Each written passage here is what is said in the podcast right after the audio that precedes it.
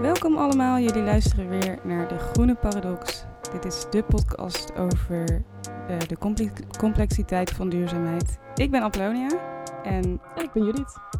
Hoe gaat het vandaag met Judith? Nou, heel goed. Ja? En met jou? Ja, best wel goed eigenlijk. Ja, ja. we gaan het vandaag... Uh, hè? Dat zei je net al. Zei ik dat al? Dat het goed gaat. Heb ik het twee keer gezegd? Nee, nee, nee, maar voordat we begonnen met opnemen. Shit. moet je niet nou, zeggen. De, de luisteraar moet denken dat we heel spontaan zijn. Oh ja, oké, is goed. Ja. Nou, we gaan het vandaag hebben over uh, recyclen. Voor de mensen die uh, al heel lang naar deze podcast luisteren. De allereerste keer, uh, allereerste afleveringen gingen over kunststofverpakkingen. En daarin ging het ook al over recyclen. En toen kwam ik erachter dat daar eigenlijk veel meer over te vertellen is. Dus we vonden het interessant om daar vandaag mee verder te gaan. Maar eerst gaan we het hebben over de, het groenste en het minst groene ding wat we hebben gedaan in de afgelopen maand. Mhm. Judith, wil jij aftrappen? Oké. Ja, het groenste wat ik gedaan heb, dat is um, de verwarming uitlaten. En dat is deels uit, uh, ja, dat is deels uit duurzaamheidsoverwegingen en deels uh, natuurlijk omdat het heel duur is nu. Ja. Um, ik woon in een appartement. Ik zit in de middelste laag. Dus ik heb ook mijn buren onder me en mijn buren boven me die mijn huis ook een beetje meestoken als zij de mm. verwarming aanzetten. Dus dat scheelt al. Wow. Um, maar ik heb dus sinds uh, april, of sinds mei, heb ik weer een huisgenoot. En um, die is nogal van het stoken. Um, is ze wel bezig met duurzaamheid? Of? Mm, niet echt. Oh ja, dus het is ook een beetje, ja, dan voelt het toch wat zwaarder om er iets over te zeggen. Ja, klopt. En um, ik, ben, ik zeg wel, want bijvoorbeeld ze vergeet dan ook vaak de verwarming uit te zetten als ze weggaat of uh, als ze naar bed gaat s'avonds. Dan zeg ik er wel altijd wat van. Dan zegt ze van, oh ja, sorry, ik moet nog even naar hem wennen. En, uh, mm. Want in de zomer hadden we de verwarming natuurlijk niet aan. Um, dus dat snap ik. Maar ik wil ook nog wel een keer het met hem erover hebben van... hé, hey, misschien hoeft de verwarming niet op 21. Mm. Um, maar ja, dat moet nog even kijken. Dus nu zij er niet was, want ze is nu een week weg... dacht ik ook echt van... oh, oké, nu kan ik gewoon drie truien aantrekken. Ja. maar ik gewoon, want het is ook nog helemaal niet zo heel koud. Het is gewoon 18 graden in mijn huis als ik de verwarming niet aanzet nu. Ja, dat is super prima. En Sowieso mensen die een verwarming op 21 graden zetten, dat is ook waar ik ben, mee ben opgegroeid. Maar sinds ik in een heel oud huis woonde in, Rotterdam, waar dat gewoon te veel geld kostte überhaupt. Nu ben ik zo gewend aan de kou, mhm. dat ik het gewoon ook echt niet lekker vind meer als het zo warm is. Nee, ik ook niet. Je wordt er ook zo rozig en sloom van of zo. Ja, ja. En het minst groene ding? Nou, eigenlijk heel simpel. Ik, uh, ik heb nieuwe kleding gekocht. en meestal uh, shop ik tweedehands.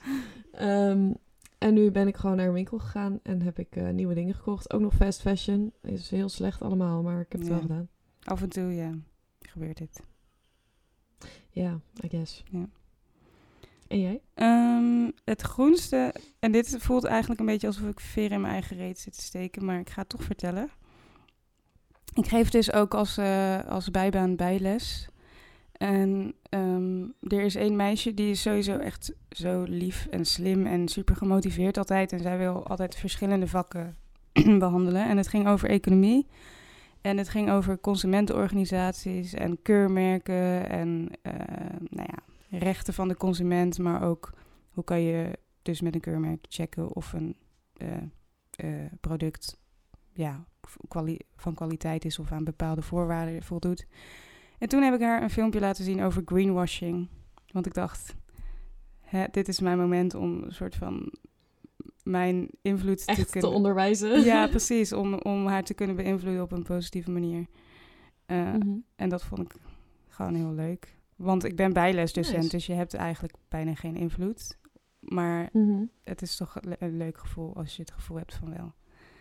Ja, ja ik snap het. Goed gedaan. Uh, en het minst groene is, uh, ja, eigenlijk heeft het ook voor mij te maken met mijn huisgenoten. Zij hebben heel veel schoonmaakspullen gekocht. En mijn huisgenoot, of eh, huisbaas wil ook graag dat we het huis heel schoon houden en zo. Wat ik, waar ik het ook 100% mee eens ben. Maar zij heeft dus Mhm. bepaalde ja, standaarden. Dus ik heb alle schoonmaakspullen gebruikt van mijn eh, huisgenoten. Of tenminste, daar Mhm. doen we samen mee. Maar normaal zou ik nooit zulke spullen kopen, zoals bleek en zo voor de wc. Mm, ja, het. en ja, dat, ja, ik weet niet. Dat, dat, ik vind het nu gewoon een lastige situatie, omdat ik gewoon niet in mijn eigen huis woon. Ehm, Mhm. Maar ja, dat zou het minst schoenen zijn. Ik snap het. Nou ja. Ik, ik snap je heel goed. Ik zou dat ook hebben, maar weet je, als dat het ergste is. Precies, ja, ik moest er ook echt over nadenken. dus dat is op zich een goed teken, denk ik. Ja, zeker. En ben je nog eh, nieuws tegengekomen, groen nieuws? Ja, ik heb even weer gezocht op eh, duurzaamnieuws.nl. no sponsor. Ehm, Nou, misschien kunnen we voortaan dit gewoon overslaan en zeggen: ga naar groennieuws.nl. ja, echt hè. Ja. Nou ja, het ding is wel, ik zoek altijd iets positiefs. En er staat natuurlijk vooral heel veel eh, negativiteit op. Ja. Eh, dus het is toch altijd wel even zoeken. Maar ehm, er zijn nu gemeentes waar het verboden is voor brommers en scooters op be- benzine. En, Mm, in ehm, Nederland? Dat, ja, en dat komt dus vooral de, eh, de luchtkwaliteit in steden best wel ten goede. Eh, en er zijn zelfs ook steden waar nu ook deelscooters verboden worden. Omdat eh, die ook best wel vervuilend zijn. En Ja? het is een beetje vaag. Ja, nou er staat dus... Volgens het Kennisinstituut voor Mobiliteitsbeleid zijn er diverse vervuilende aspecten aan deelscooters, waardoor deelscooters juist erg vervuilend blijken te zijn. Ehm, maar wat dat dan is, dat staat hier niet. Misschien moet ik dat eens even opzoeken voor, voor de volgende keer. Of mensen kunnen het zelf ook opzoeken bij het Kennisinstituut voor Mobiliteitsbeleid. Er staat Dat namelijk dat zij berekenen. Ja, staat dat zij berekenen dat eh, elektrische deelscooters 2,5 keer zo vervuilend zijn als een elektrische scooter in privébezit. Oh, maar En ook nog vervuilender dan een scooter met verbrandingsmotor. Ik denk wel, ik heb wel gehoord dat die dingen heel snel kapot gaan, deelscooters, omdat er zoveel wordt ik gebruikt. denk dus ook dat dat het is. Ja. Ik heb er al zoveel in de sloot zien liggen. Mensen pleuren ze gewoon neer op straat. Overal liggen onderdelen. Ja, het is echt heel erg. Ja. ja, en ik heb daar Ehm, ook heel veel staat gebruik dus- van gemaakt, dus Oh, ik nog nooit. echt niet. eigenlijk. Oh, maar het is, het nee. is wel echt heel leuk. Het voelt zo vrij om op een Ja, het is heel leuk, ja. Klopt. Ik heb één, keer bij iemand achterop gezeten toen ik ook een beetje dronken was op een eh, scooter. Nou, ik vond het geweldig. Maar eh, er staat dus eh, dat het dus ongeoorloofd is om te spreken over duurzaam, milieuvriendelijk of een groene planeet. Als je het hebt over elektrische deelscooters. Dus Dat is stellig. het is nog iets om ons zorgen over te maken. yes. Nou ja, het hoeft niet per se gelijk negatief te zijn. Je kan ook nu denken, oké, dan ga ik dat niet meer gebruiken. Ja, dat is ook zo. Ja. Ik moet heel even kijken, want er staan dus verschillende steden, bijvoorbeeld Amsterdam, Den Haag, Nijmegen, Enschede, Groningen en Rotterdam.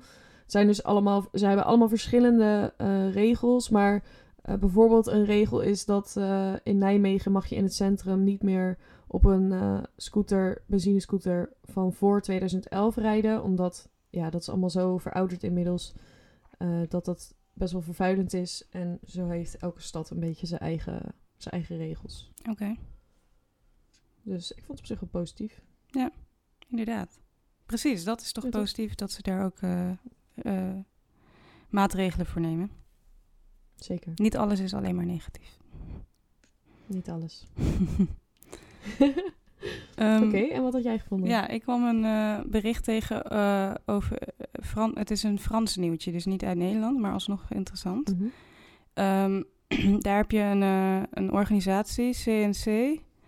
Ehm, en dat is het- de organisatie... Ik weet niet of dat vanuit de overheid is, maar ik denk het wel eigenlijk. Eh, zij Mhm. geven volgens mij subsidie dus aan ehm, eh, filmproducties, tv-producties, alle, alle audiovisuele producties. En vanaf 2024, nou eigenlijk vanaf 2023, ergens in 2023, moeten mensen al dit eh, gaan eh, in, implementeren. Maar vanaf 2024 wordt het echt een, een hoofdonderdeel of zeg maar een, een sl- doorslaggevend onderdeel van of iemand subsidie krijgt of niet. En dat is namelijk dus dat ze ehm, een balans moeten geven van hun CO2-uitstoot. Dus over, Oh, wat de, goed. ja, over de productie, eh, dus het draaien van een film of serie Mhm. en in de eh, eh, postproductie, ja, hoe, eh, wat voor afdruk laat je achter? En dit is het onderdeel van een grotere doelstelling vanuit die organisatie om uitstoot in de filmindustrie te reduceren.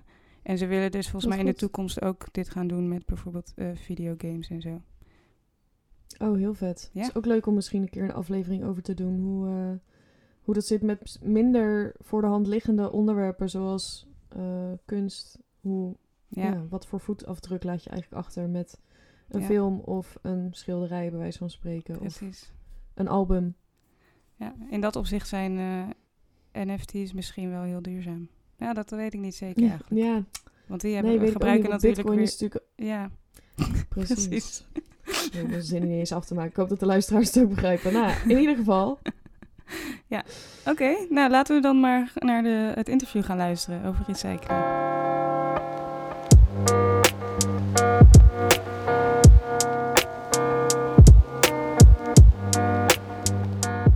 Dan eh, zou ik zeggen welkom Raymond Grades van VU Amsterdam en Rob Franke van Kiwa. Fijn dat jullie er zijn. Bedankt dat jullie erbij willen zijn vandaag.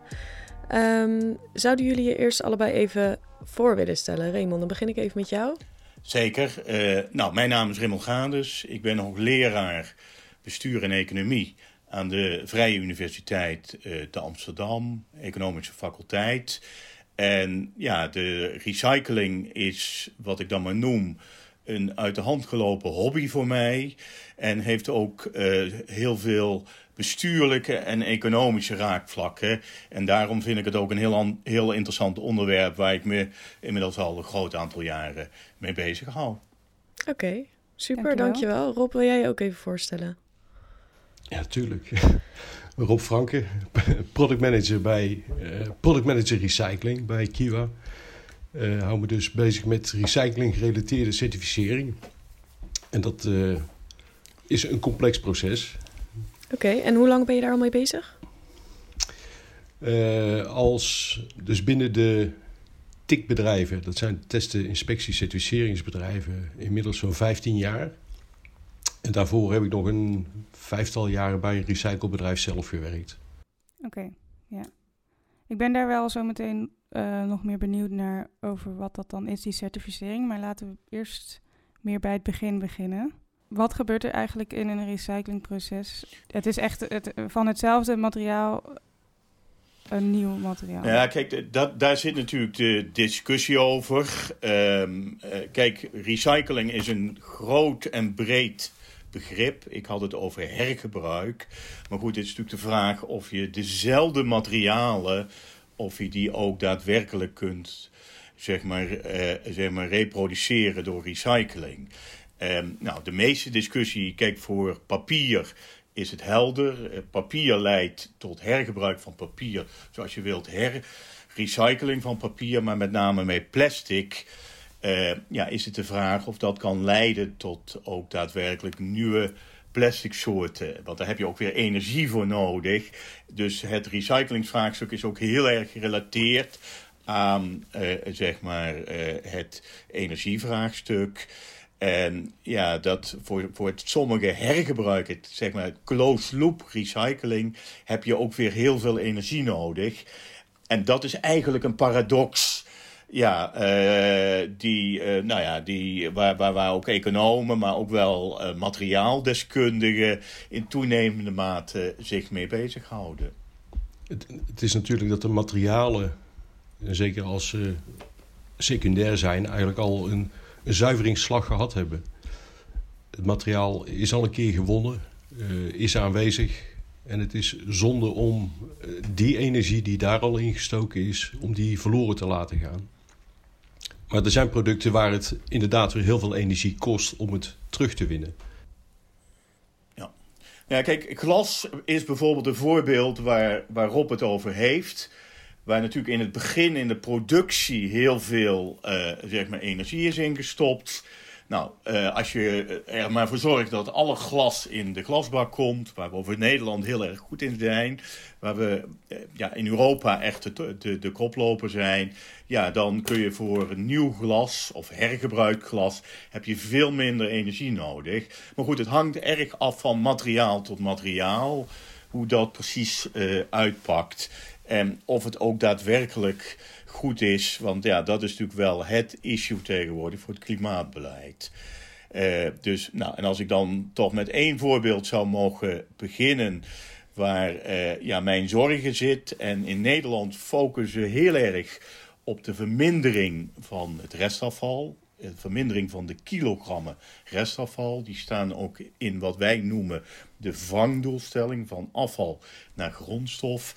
Dit leidt er ook toe dat we liefst luiers gaan recyclen. Dus er zijn in toenemende mate zijn er uh, gemeentes, consumenten die luiers gaan recyclen. Dat lijkt prachtig, maar dat is het niet. Want om te voorkomen dat voor zeg maar dat de medicijnresten die in luiers en ook in continentiemateriaal zitten, moet je dat tot 250 graden moet je dat verwarmen. Dat, zeg maar, die, die massa van gerecyclede luiers of, of, of hergebruikte luiers. En ja, ook onder hoge druk. Er moet dus heel veel energie moet erin. En ja, bij dat soort processen is het dus, is mijn stelling, dat ja, dat eigenlijk haak staat ook op die klimaat uh, discussie. Dus in zijn algemeenheid even terug ja. naar de luisteraars. Ben ik een groot voorstander van recycling, papier, Metaal. glas. Maar ja, er zijn ook materialen uh, uh, waar je dat toch zeg maar wat minder hebt. En ja, ik denk dat het Nederlandse beleid, of ik vind dat het Nederlandse beleid daarin doorschiet. En dat is ook wel bekend, zeg maar, nou, dat ik dat vind. En hoe zie jij dat, Rob? Nou, er moet daadwerkelijk inderdaad een keuze gemaakt worden van welke producten worden er nu wel of niet gerecycled. En daar uh, hebben we ook de crux uh, circulariteit. En uh, we horen heel vaak over producten van dit is een circulair product. Blijkt het product eigenlijk helemaal nog niet circulair te zijn, maar is het gebouwd uit lineaire virgin materiaal. Heeft totaal nog geen gerecycled materiaal in zich. En dan komt het, het gaat om de ontwerpfase. En dat geldt dus voor zo'n luier ook. Op het moment dat je weet dat het product gewoon niet interessant is om uh, te recyclen of circulair te maken, durf dan ook die stap te nemen om het niet te produceren. Dus voorkom het. En daarmee voorkom je ook weer een hoop restafval en energieverbruik. Kijk, ik denk dat. Uh nou, ik, ik zeg maar even Rob. Uh, we kunnen overigens ook Raymond tegen mij zeggen. Maar um, de, de, uh, dat is fijn. Kijk, ik deel uh, wat, wat hij zei. Um, kijk, ik denk dat er ook meer aandacht moet zijn voor wat ik dan maar noem design voor recycling. He, dus dat betekent eigenlijk dat je aan de voorkant gaat kijken van, nou ja, welke materialen ga je precies gebruiken. Gebruik zoveel mogelijk recyclebare uh, plastics. Van de andere kant, ja, kijk, ik, ik, ik, ik zou wel één uh, opmerking willen maken. Dat sommige materialen, en dat zit er met name denk ik in plastic, maar misschien toch ook wel in luiers. Ja, je kunt volgens mij niet zeggen van die, die heb je niet nodig. En kijk, die hebben ook heel veel, uh, heel veel baten hebben erbij. Plastic zorgt er bijvoorbeeld voor dat het voedselbederf veel minder is. Kortom, nou, het is niet zo dat we zonder kunnen. Maar goed, het is natuurlijk wel van belang, dat deel ik eh, zeg maar met Rob, dat je veel meer gaat nadenken hoe je, hoe je uiteindelijk goed kunt eh, recyclen. Uh, dat en, en veel meer aandacht ook in design voor recycling, noem ik dat maar. En veel meer samenwerking tussen de recyclingindustrie en ontwerpers. Ja. Want je, het, het is eigenlijk een product wordt vandaag de dag ontworpen, gemaakt, geproduceerd, op de markt gebracht. En de recyclingindustrie die moeten maar zien hoe dat ze het product weer uit elkaar krijgen. En of dat ze überhaupt nog iets met de reststromen kunnen doen. Ja, ja, ja. En nee. in die voorfase moet daar veel meer gesproken worden van... wat zijn jullie processen, wat zijn de mogelijkheden... kunnen we dit materiaal scheiden, kunnen we dit materiaal hergebruiken... Uh, of is het goedkoper om uh, weer nieuw virgin... Ja, dat blijft het meestal. Uh, is het aantrekkelijker om uh, opnieuw virgin materiaal te gebruiken. En, Allemaal overwegingen. Ja, en ook samenwerking met de overheid. En de overheid, zowel Europese als nationale overheid zou ook veel meer moeten gaan nadenken over de doelstellingen. Want nou ja, we doen bijvoorbeeld alsof we, wat is het, uh, ruim 50% plastic hergebruiken. Maar dat is gewoon niet zo. Ik bedoel, er wordt veel minder hergebruikt. En nou, een gedeelte wordt verbrand. Daar ben ik overigens niet a priori op tegen op het moment dat het heel erg vervuild is. Of heel erg moeilijk uit elkaar te halen is. Uh, maar goed, daar, nou, daar ligt een soort doem ligt. En wat er dan vervolgens gebeurt is dat het plastic zeg maar, geëxporteerd wordt. Naar de andere delen van de wereld wordt geëxporteerd. En ja, dan zie je dat ook delen zeg maar, weglekken. Uh, daar het naar landen gaat waar het afvalmanagementsysteem veel minder goed op orde is dan zeg maar, in Nederland. En nou, alle nare gevolgen daarvan zeg maar, die zijn ook wel bekend. Want uh, je zei dat eigenlijk een heel klein deel van plastic wordt her, uh, of gerecycled. Is, is dat bij andere materialen ook zo? Zo'n zo laag percentage? Nee, ja, bij, bij papier daar praten we over 85 procent. Oké. Okay. Uh, glas, dan heb je twee indelingen. Want je hebt vlak glas, dus de, de, de ramen die uit uh, slooppanden komen. En dan heb je het verpakkingsglas, dus de, de potjes hak. Uh, voor verpakkingsglas was het, meen ik, 85%. En dan. Of nee, nee, sorry, 99. En van het vlakglas. Ja, daar wordt nog uh, te weinig van ingezameld. En dat is juist weer veel vervuild met verfresten en stopverf en dat soort zaken. Dus wordt het. Uh, maar 99 maar, dat is eigenlijk echt. Dus Heel bijna 100. Ja. ja. ja. Nee, zeker. Metaal, dus... Metalen idem, idem dito. Dus dat zijn een aantal primaire materiaalstromen. Dat zijn ook de stromen waar ik me mee bezig hou. Maar daar worden hele mooie recyclingpercentages uh, gehaald. En dan heb ik nog één stroom, dat is uh, elektronisch afval. En daar is het een stuk minder. En u gaf het ook al aan, uh, verbranden. En jammer genoeg wordt verbranden ook onder de term recycling geschaard. Dus Europees wordt het geaccepteerd. Dus op het moment als in die eindfase het restmateriaal opgestookt wordt, krijg je daar toch de indeling dan weer in van uh, verbranden met terugwinning van energie. Of uiteindelijk, uh, ja, insinuation, gewoon puur verbranden dat het opgestookt moet worden. Maar die percentages tellen wel mee en dat valt onder recycling? Dat valt onder recycling. Het laatste hmm. toch niet, neem ik aan. Ik bedoel, kijk, als je de energiecomponent behoudt, dan is daar natuurlijk van alles voor te zeggen. Ja, correct. Maar op het moment dat je het, nou, bedoel, opstookt zonder het behoud van de energiecomponent daarin, dan zou ik dat geen recycling willen noemen. Nee, correct. Kijk, en in sommige gevallen, ik geef toe dat uh, het is een beetje een, uh, nou, uh, bedoel, men, men wil het niet, maar in sommige gevallen is het toch gewoon goed om eh, het wel te verbranden, nogmaals wel met het behoud van de energiecomponent erin, dan dat je een heel complex product gaat, uh, proces gaat doen, waarin je die materialen dan wel gaat hergebruiken. Uh, nou, ik zie Rob uh, schudden, dus daar, daar zijn we het nog niet over eens. maar goed, uh, we, we, zullen in ieder geval, daar zijn we het wel over eens, veel meer aandacht moeten besteden aan de voorkant. Dus dat je gaat kijken of je dat ten alle tijde kunt voorkomen. Dat, dat is een heel, heel mooi punt om naartoe te werken. Dat inderdaad de design voor recycling veel beter wordt. Waarmee eigenlijk het financiële aspect van recyclen, dus de kosten, niet meer mee gaan tellen. En we, we hebben hier nu een aantal punten besproken. En één belangrijk punt vergeten we hierin. En dat is die geopolitiek het hebben van de grondstoffen. En op het hmm. moment dat je een belangrijke grondstof gaat verbranden, verdwijnt die. En kun je afhankelijk worden van andere werelddelen. En we zien het de laatste maanden, dat willen we niet. En dat, dat is ook een van de missies die Europa heeft. Van we moeten zorgen dat we over onze eigen producten kunnen beschikken. En dat we die op een waardevolle manier blijven behandelen. Dat die cyclus voor, ik spreek dan ons werelddeel Europa gewoon in belang of uh, behartigd blijft. Ja, nou, kijk, ja dat is nog een extra component. Ja, maar die zou je ook wel anders kunnen uitleggen.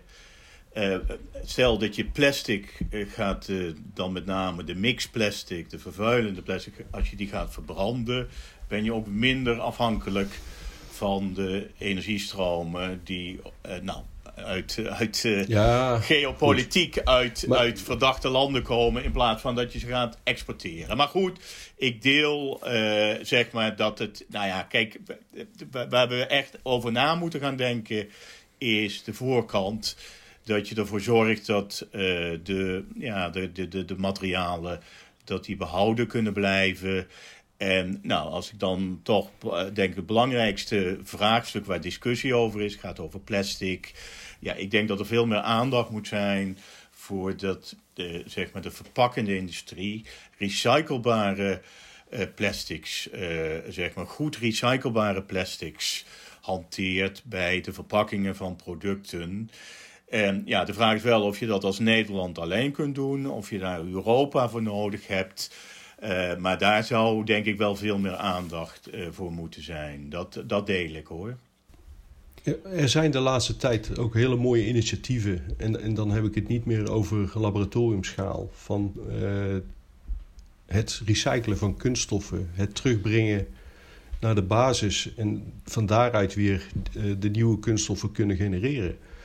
En dat, er wordt binnenkort weer in, uh, in Groningen een nieuwe plant geopend die hier heel druk mee bezig is. Dus ook daarin zie je gelukkig allemaal vanuit de initiatieven vanuit de recyclingindustrie hmm.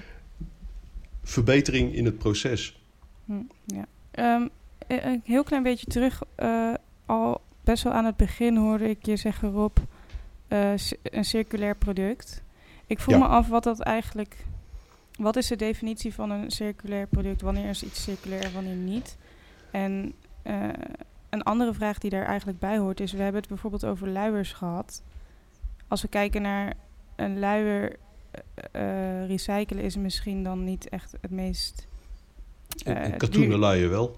Ja, precies. Moeten we dan niet naar een luier die je sowieso her kan gebruiken totdat je baby opgegroeid is? Ja, maar dat... Terug naar dat, de, de, katoenen luier heeft natuurlijk wel het nadeel dat je uh, moet wassen. En de vraag is of daar... Dus mijn pleidooi zal wel zijn om te kijken naar alle... Uh, zeg maar, energiecomponenten, alle chemische componenten die daar uh, bij gebruikt worden. Maar goed, uh, bedoel, um, ja, daarom ook mijn pleidooi om hier ook wat ik dan maar noem kostenbatenanalyses. Maar goed, de vraag was gesteld aan, aan, aan, aan Rob, dus ja, Jullie mogen allebei antwoorden. maar het is, het is ook een uh, hygiëne-aspect, inderdaad. Op het moment dat we met katoenen luiers gaan werken, dan heb je toch inderdaad uh, het behandelen van het, een stuk stof met ja, hetgeen wat je eigenlijk niet in je handen wil hebben. en dat, ja, het gebruik, daarom zijn destijds ook die, die één uh, gebruiksverpakkingen ontwikkeld. Om daar mensen in te ontzorgen. Dit, heel recycling gaat zo ver. Als je je daar echt in gaat verdiepen, dan ga je eigenlijk terug naar de eerste processen van hygiëne, de, de, de riolering, uh, de waterleidingen. En daarmee ga je, ga je zien dat we eigenlijk uh, als mensheid langer en beter kunnen leven door het toepassen van die hygiëne-aspecten. En die hygiëne-aspecten komen ook iedere keer weer terug in de recyclingcomponenten. Uh, zojuist werd de, de matrasrecycling uh, genoemd. Je wil niet weten wat er in een matras zit. En ja, dat is zeker waar. lichaamsvocht, bacteriën. Uh, het, het, materiaal moet inderdaad eerst goed gereinigd worden. En het is allemaal mogelijk. we hebben er testen mee gedaan. Het product kan waanzinnig weer teruggebracht worden naar secundaire grondstoffen, waarmee we gewoon weer nieuwe matrassen kunnen maken. Dus het is allemaal mogelijk. Ja, zei het dat de politiek, zeg ik erbij. Kijk, daar wordt dan heel makkelijk geroepen van er moet 100% recycling matrassen komen. Maar ja, ze weten niet waar ze het over hebben. Om het toch maar eens even... Ja, ze, ze weten het wel. ze weten het misschien wel. Maar ja, het is... Kijk, ja, ik, ik ben het met, met uh, Rob eens. Dat, ja, kijk, dat zitten... uh, nou, daar zitten ook die hygiëne-aspecten zitten eraan vast. Of het, het RIVM publiceert daar ook interessante studies over. En ja, voor dat hergebruik, het gaat ook even wat je precies met hergebruik bedoelt. Hè? Kijk, wat zeker het foam vanuit de matrassen, dat kan denk ik goed gerecycled worden. Het ligt er een beetje aan waar je het voor gebruikt. Kijk, maar, maar stel dat je het gebruikt voor isolatie, materiaal, noem maar op. Dat kan allemaal goed. Maar ja, het zeggen vervolgens van ja, zo'n matras moet ook weer een nieuw matras worden.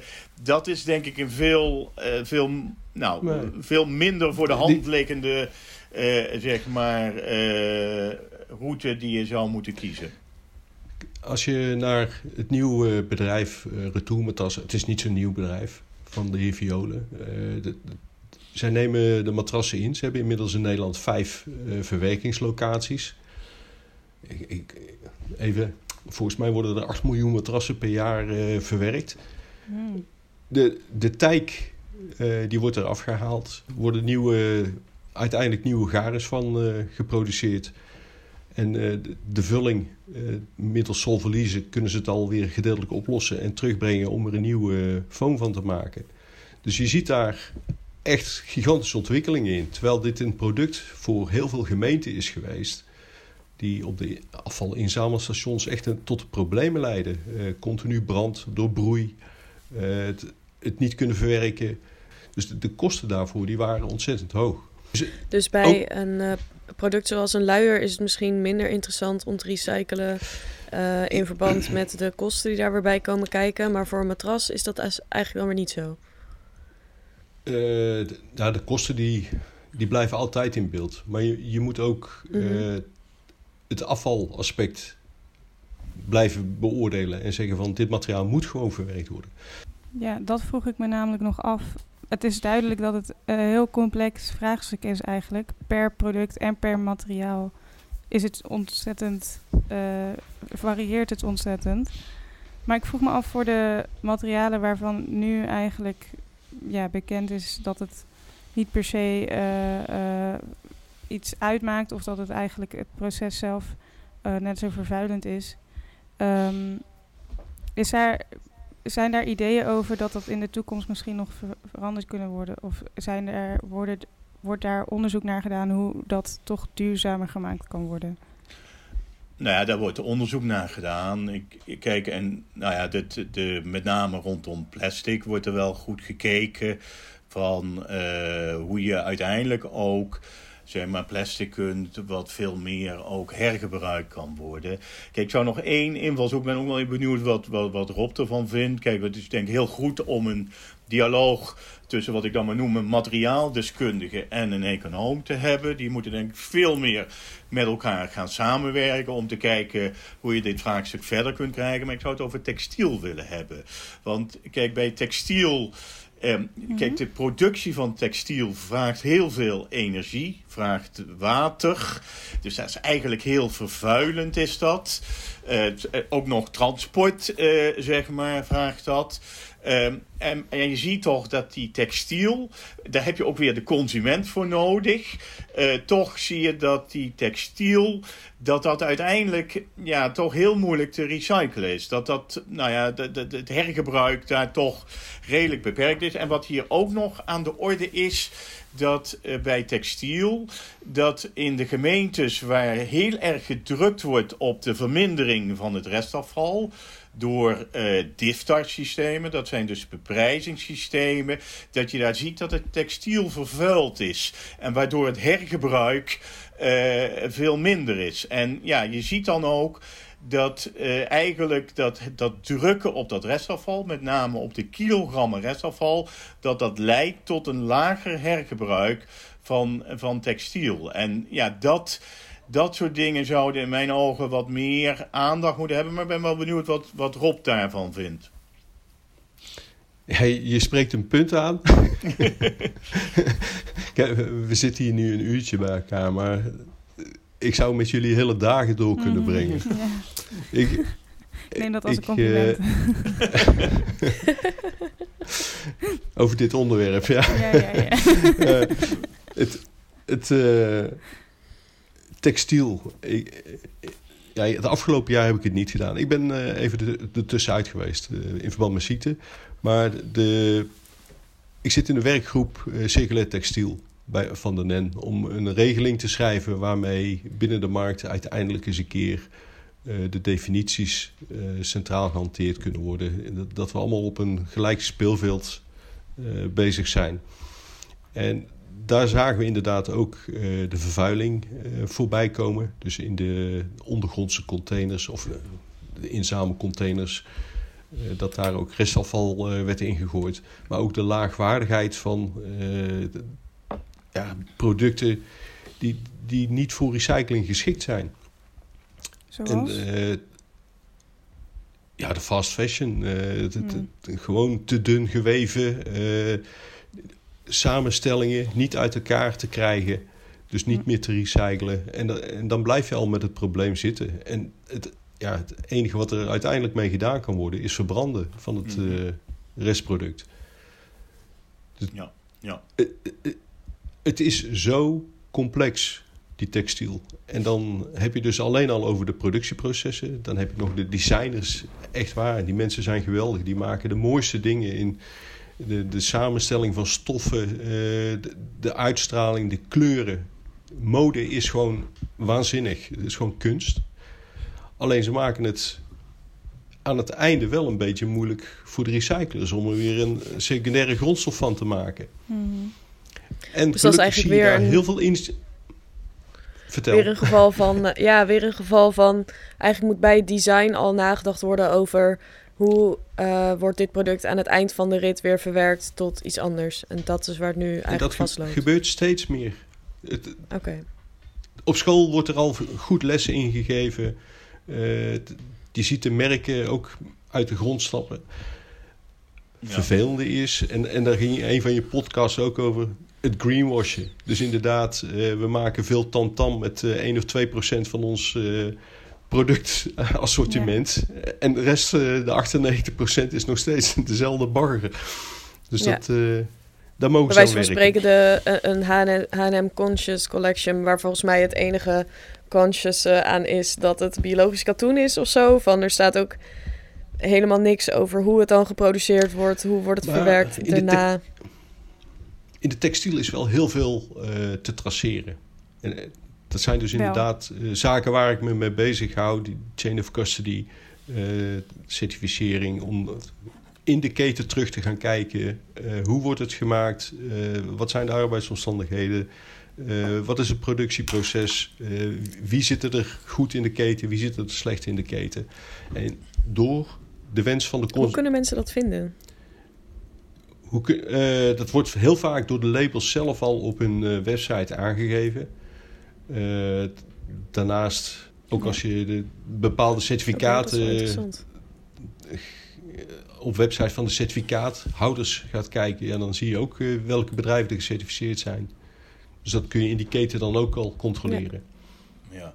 Nou ja kijk, dat, dat, zeker dat, uh, dat zal zonder enige twijfel het geval zijn. Ik zeg wel, ook als consument ja, dat dat toch niet altijd zo, uh, zo duidelijk is. En, en, en nou, uh, nou ja, je zou toch ook misschien moeten nadenken hoe je dat systeem ook uh, zeg maar wat kunt vereenvoudigen, waardoor, nou, misschien met kleuren, met, met, nou ja, met, met wat je natuurlijk bij je energie hebt, A, B, C, D, E en F dan. Nou, F hopelijk steeds minder woningen, maar hoe het ook zij.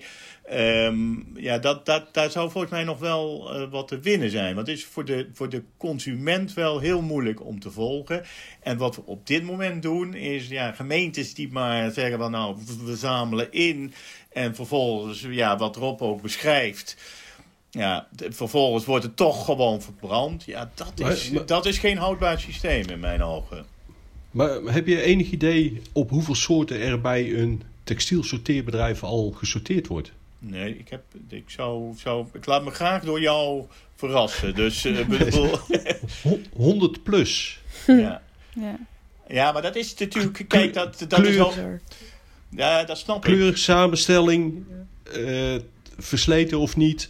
de eerste stappen van is het herbruikbaar, kan het naar tweedehandswinkels, niet naar de tweedehandswinkels, maar wel naar de armere landen. Als, daar, als zijnde daar nog als product te verkopen, of gaan we de stappen maken van kleurmateriaal om het te vervezelen en er weer een nieuwe garen van te spinnen. Dus er zit ook. Dat was een van de dingen. Ik ben ooit bij een recyclebedrijf gaan werken. En dan zie je achter de schermen wat er allemaal gebeurt. Het is mhm. zo mooi wat die bedrijven doen.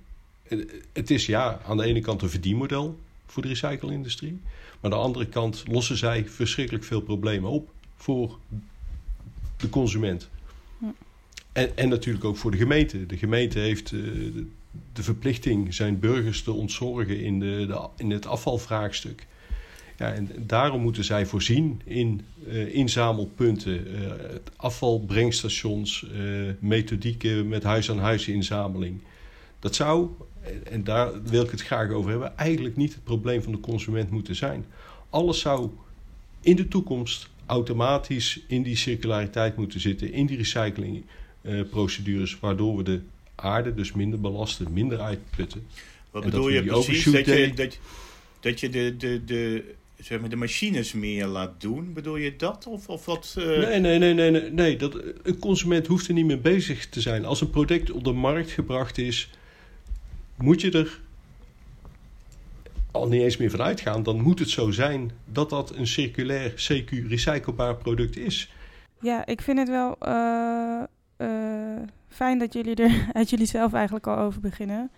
Want ik vroeg me inderdaad ook af. Nou ja, eigenlijk zijn er. Ik, ik heb het idee dat er een beetje twee verschillende uh, vormen van recyclen zijn. We hebben het recyclen wat we eigenlijk al doen in een huishouden. Dus de materialen, plastic, glas, papier, et cetera. Maar bijvoorbeeld het recyclen van een matras. Ja, is, in hoeverre kun je dit soort verantwoordelijkheden bij uh, consument leggen en hoe kunnen we dat ook stimuleren en zo? Daar ben ik benieuwd naar. Ja, dat is een goed. Ja, maar goed, die moet wel een gescheiden uh, matras hebben. Want, en die moet ook een matras hebben wat uh, zeg maar niet aan de, aan de straat gezet wordt, waardoor het uh, vervuild, CQ nat is, waardoor het uiteindelijk niet meer ehm, ja, de, zeg maar, gerecycled kan worden. Maar mijn stelling is, en dat gaat met name over plastic, daar ben ik een groot voorstander van nascheiding van plastic. Uh, kijk, volgens mij zadelen we de consumenten op met een onmogelijk vraagstuk. Kijk, want sommige soorten plastic zijn uh, wel bruikbaar, andere zijn niet bruikbaar. Sommige soorten plastic zijn vervuild. Nou, dat geldt ook voor drankverpakkingen. Daar zit soms restafval nog in, vaak niet eens bewust. Een machine haalt dat er heel precies uit. Heeft dus ook, leidt dus tot een hogere, zeg maar, uh, opbrengst, recyclaat met een, met een hogere kwaliteit door nascheiding dan dat je dat de burgers laat doen. Dus ik ben. Kijk, ik, burgers moeten zeker uh, zeg maar papier scheiden. Want als je dat bij het restafval gooit, is het niet meer bruikbaar. Voor textiel is het ook heel belangrijk dat dat goed gescheiden wordt. Dat die restafval, waarop het al over had, dat dat er niet bij komt. Maar voor plastic, ook vanwege de content van het materiaal is het helemaal niet zo'n probleem dat je dat bij het restafval doet. En uiteindelijk ook, en nou, uh, in, in Friesland is men daar al hele tijden mee bezig. En die machines worden ook steeds beter. Om de, en daar zijn ook mensen met name aan de TU Delft. Uh, zeg maar, een collega van mij, Peter Rem, is daarmee bezig. En waardoor uiteindelijk ook de opbrengst van dat recyclaat uh, zeg maar, steeds beter wordt. En ik vind, ja, je bespaart overigens dan ook een afvalstroom. Bespaar je. Je ziet overigens ook dat die arbeidsmarkt in toenemende mate gaat knellen. Dat is weer een, gelieerd vraagstuk.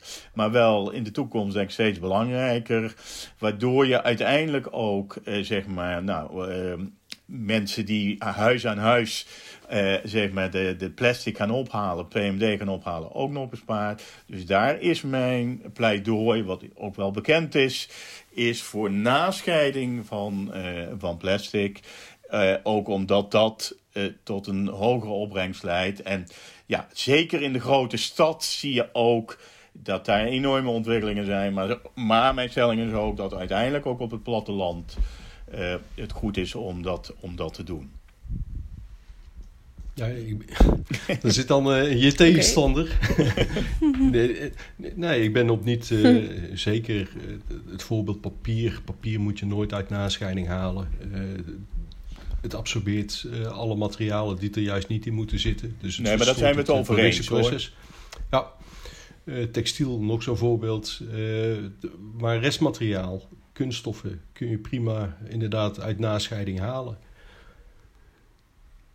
Maar ik uh, hoor wel uit jullie allebei eigenlijk dus uh, de notie dat het, dat, dat het makkelijker gemaakt moet worden voor de consument. En dat het ja, verantwoordelijkheid of dat, het, dat er meer moet.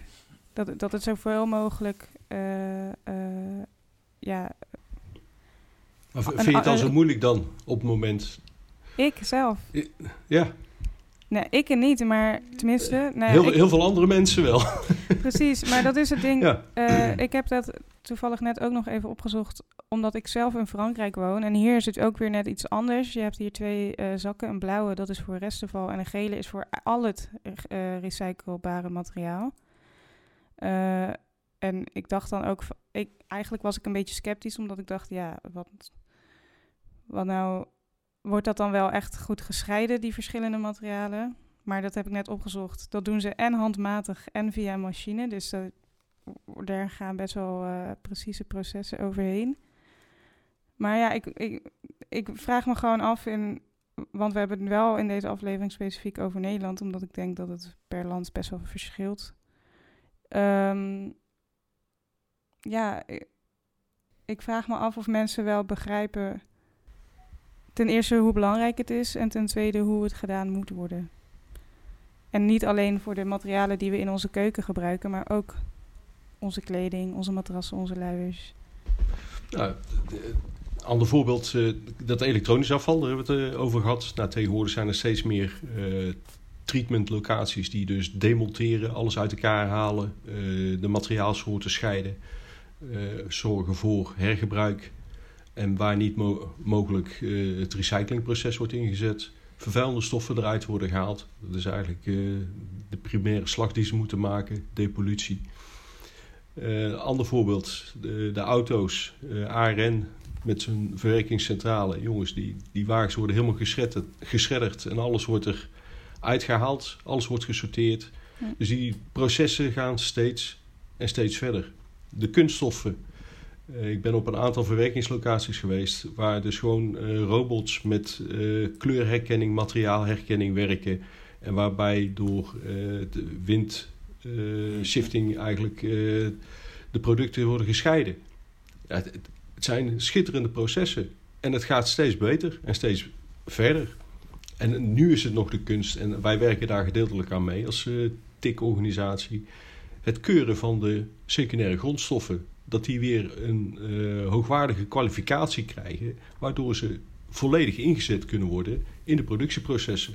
Ik wou zeggen, ik denk dat dit misschien wel een positieve noot is om uh, bijna mee te gaan afsluiten. Maar als jij nog een laatste vraag hebt, dan uh, vind ik dat helemaal mooi. En dan kunnen we straks misschien afsluiten met wat je dus als consument kan doen. Ja, dat heeft misschien een beetje met elkaar te maken. Want wat ik me afvraag is, hoe komen de telefoons bij die elektronica uh, sorteerbedrijven. Ja, Daar hebben we in Nederland hele mooie inzamelsystemen voor. Maar doen mensen Ik neem aan dat je wel eens van... Heb je wel eens van Recycle gehoord? Ja, ja, ik doe dat. Ik, ik, ik uh, heb één keer per maand of één keer per drie maanden... dan ga ik even door al die spullen heen en dan breng ik ze overal heen. Maar ik kan me voorstellen dat echt niet veel mensen dat doen. Want je moet wel naar verschillende plekken. Veel mensen weten misschien niet eens dat dit kan. Hoe, wat, mijn stel, ja. Hoeveel mensen doen dit eigenlijk? Ja, maar, maar dat is ook exact mijn stelling. Kijk, natuurlijk is het zo dat er mensen zijn die bij wijze van spreken, een beeld, maar ik geef het toe, die het theezakje in uh, vier onderdelen. Het nietje, uh, het, het, touwtje, noem maar op. Ik bedoel, dat is... Zover ga maar goed, Nee, maar goed, kijk, mijn stelling is dat we het burgers makkelijker moeten maken. Dat burgers best bereid zijn om te recyclen. Het ook belangrijk vinden dat er gerecycled wordt. Dat ze natuurlijk wel vervolgens willen hebben dat uh, zeg maar, ja, die gerecyclebare producten of stromen, dat die daadwerkelijk hergebruikt worden.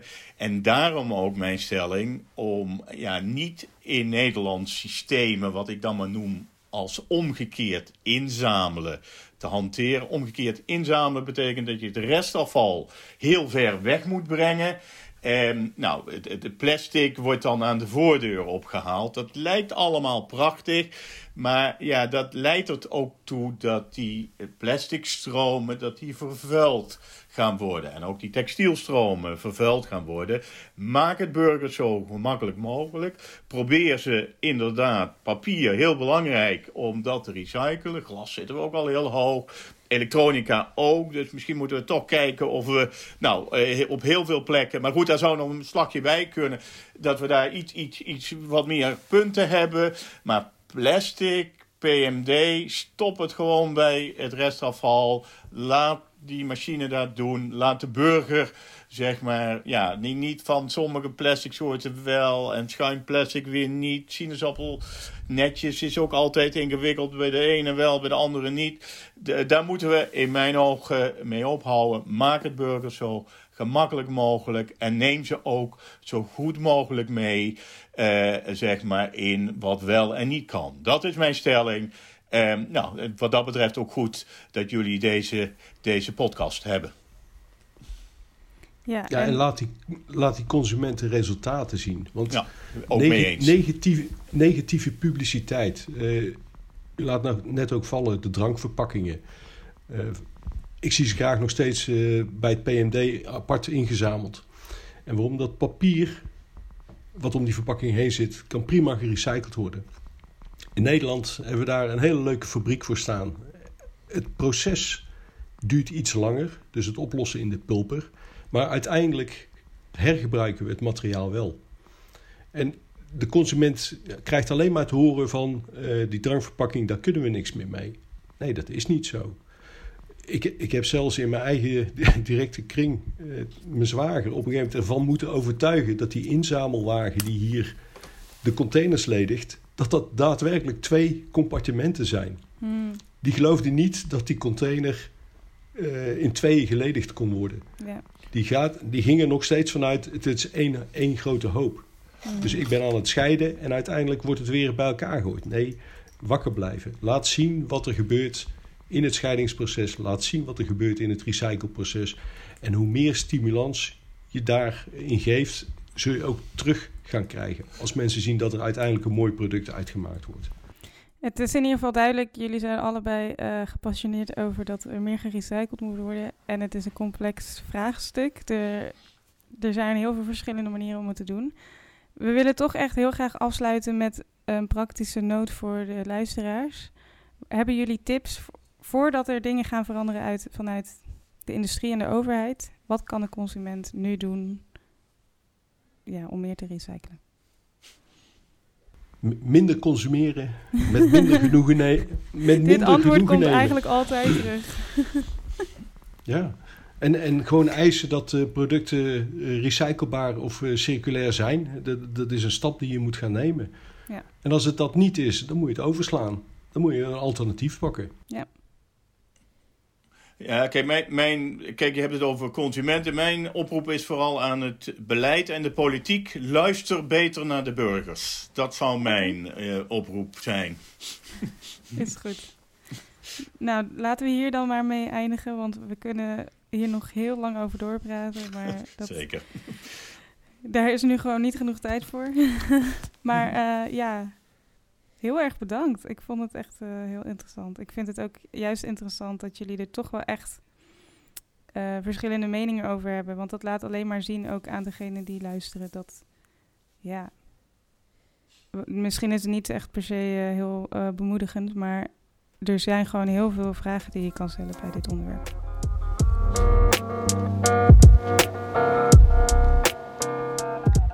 Nou, Judith, uh, wat vond je ervan? Heb je er nog iets uit meegenomen? Ja, ik vond het eigenlijk een superleuk gesprek. En vooral om uh, twee redenen. En dat is uh, deels omdat we, niet om veren in onze eigen reet steken, maar we hadden echt leuke gasten. ik vond het vooral een hele leuke combinatie van gasten. Ja. Omdat de een een hoogleraar was en de ander een, echt iemand ja, uit het vakgebied. Ja. Dus je had een hele theoretische kijk erop en een hele meer praktische kijk. Um, ze waren het vaak met elkaar eens, maar ook uh, ze hadden allebei wel echt andere nuances. Dus dat vond ik ook heel interessant. En wat natuurlijk heel leuk is, wat de luisteraars dan niet gaan horen, want dat was na afloop van het gesprek.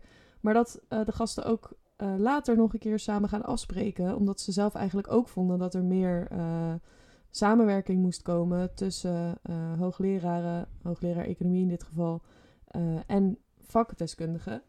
Uh, dus er komt ook echt nog iets, uh, iets leuks uit voort. En ik vond het een super positief gesprek, omdat we het niet alleen over plastic hebben gehad, wat uh, toch vaak een beetje lastig is als het op recyclen aankomt. maar ook over heel veel andere materialen waarbij het wel eigenlijk heel goed gaat. Dus ja, ik vond het heel interessant en er zat ook echt wel een positieve noot in. Nice. Ja, helemaal mee eens. Vooral ook over de, de combinatie van gasten, dat vond ik ook echt heel interessant, inderdaad. En uh, ja, om dan deze aflevering af te sluiten, uh, delen we nog uh, interessante media eventueel die we hebben, die we zijn tegengekomen. Ben jij nog iets tegengekomen? Ja, zeker. Het heeft niet direct iets te maken met duurzaamheid, maar ik vond het toch wel heel leuk om te noemen, omdat liefde voor duurzaamheid komt vaak eigenlijk voort uit liefde voor de wereld en in mijn geval voornamelijk uit liefde voor dieren. En ik kwam op, um, op Netflix de docu-serie tegen Wild Babies. En dat uh, is gewoon een hele schattige serie over uh, babydieren. dus mochten mensen daar geïnteresseerd in kijken, zoek het op. Het is echt heel schattig. Cute, ja.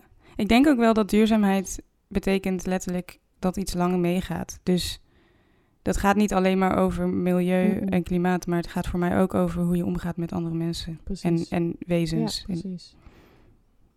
En jij? Um, ja, ik uh, ben een uh, Instagram-account tegengekomen. Het heet 5 Media Official. Mm -hmm. um, en dit is een um, Instagram-account waarop heel veel uh, duurzame nieuwtjes, weetjes en zo worden gedeeld. En heel veel dingen ook heel erg positief. Wat leuk. Um, dus dat is, ja. En er was één, want ik kwam een bepaalde post tegen die, um, um, die ik vooral interessant vond, waardoor ik op hun account ging kijken. En die probeer ik even te vinden. Oh ja. En want dat heeft ook wel een beetje te maken met waar we het vandaag over hebben gehad.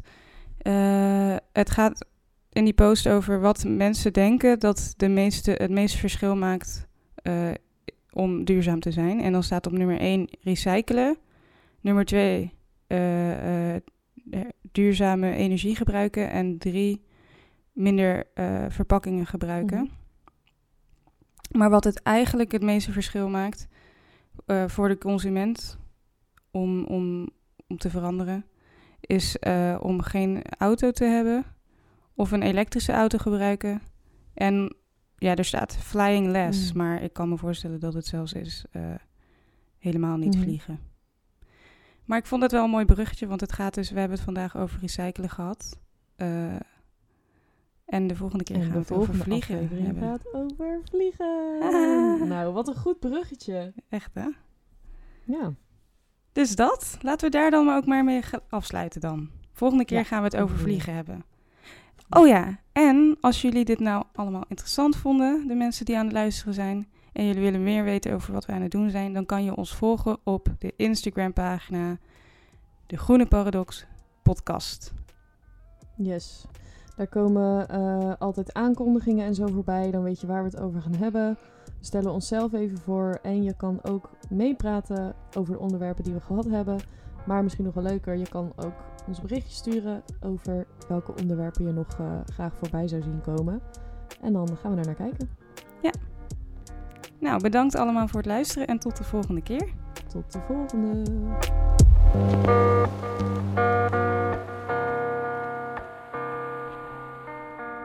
Nice. Nice.